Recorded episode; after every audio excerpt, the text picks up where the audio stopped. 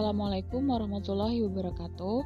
Perkenalkan, nama saya Isti Pratiwi, peserta Latsar Angkatan 10 Gelombang 4 dari kelompok 1. Hari ini, Senin 6 September 2021, merupakan hari pertama Latsar. Metode Latsar kali ini berbeda dengan metode Latsar sebelumnya. Latsar kali ini banyak menggunakan metode sinkronus dan asinkronus. Mengawali pembelajaran, kami dibangkitkan semangatnya dengan lapor kelas dan yel-yel, pagi, pagi, pagi, yes, bela negara, luar biasa. Selanjutnya, dilanjutkan dengan perkenalan diri masing-masing dan penyampaian agenda pembelajaran sikap perilaku bela negara.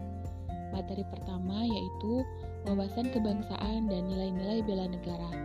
Wawasan kebangsaan dapat diartikan sebagai konsepsi cara pandang yang dilandasi akan kesadaran diri sebagai warga dari suatu negara akan diri dan lingkungannya di dalam kehidupan berbangsa dan bernegara. Pada materi ini dijelaskan sejarah pergerakan kebangsaan Indonesia hingga mencapai kemerdekaan dan disepakati empat konsensus dasar berbangsa dan bernegara, yaitu Pancasila, Undang-Undang Dasar 1945, Bhinneka Tunggal Ika, dan Negara Kesatuan Indonesia. Materi kedua, analisis isu kontemporer. Pada pembelajaran ini, peserta mempelajari isu-isu kontemporer seperti korupsi, narkoba, terorisme dan radikalisme, money laundering atau pencucian uang, cybercrime, hate speech, dan hoax. Selain itu, diberikan juga teknik analisis isu seperti teknis tapisan isu, teknis analisis isu berupa mind mapping, wishbone diagram, dan analisis SWOT, serta terakhir analisis kesenjangan atau gap analysis. Materi ketiga adalah kesiapsiagaan bela negara. Rumusan lima nilai bela negara terdiri dari satu, rasa cinta tanah air, dua, sadar berbangsa dan bernegara, 3. Setia kepada Pancasila sebagai ideologi negara.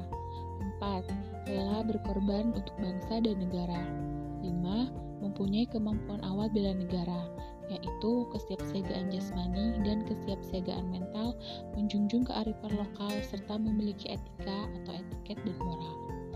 Pembelajaran yang bisa kami peroleh pada hari ini adalah bahwa kami dituntut untuk aktif dan selalu bersedia atau siap dalam menjalankan proses pembelajaran maupun instruksi fasilitator.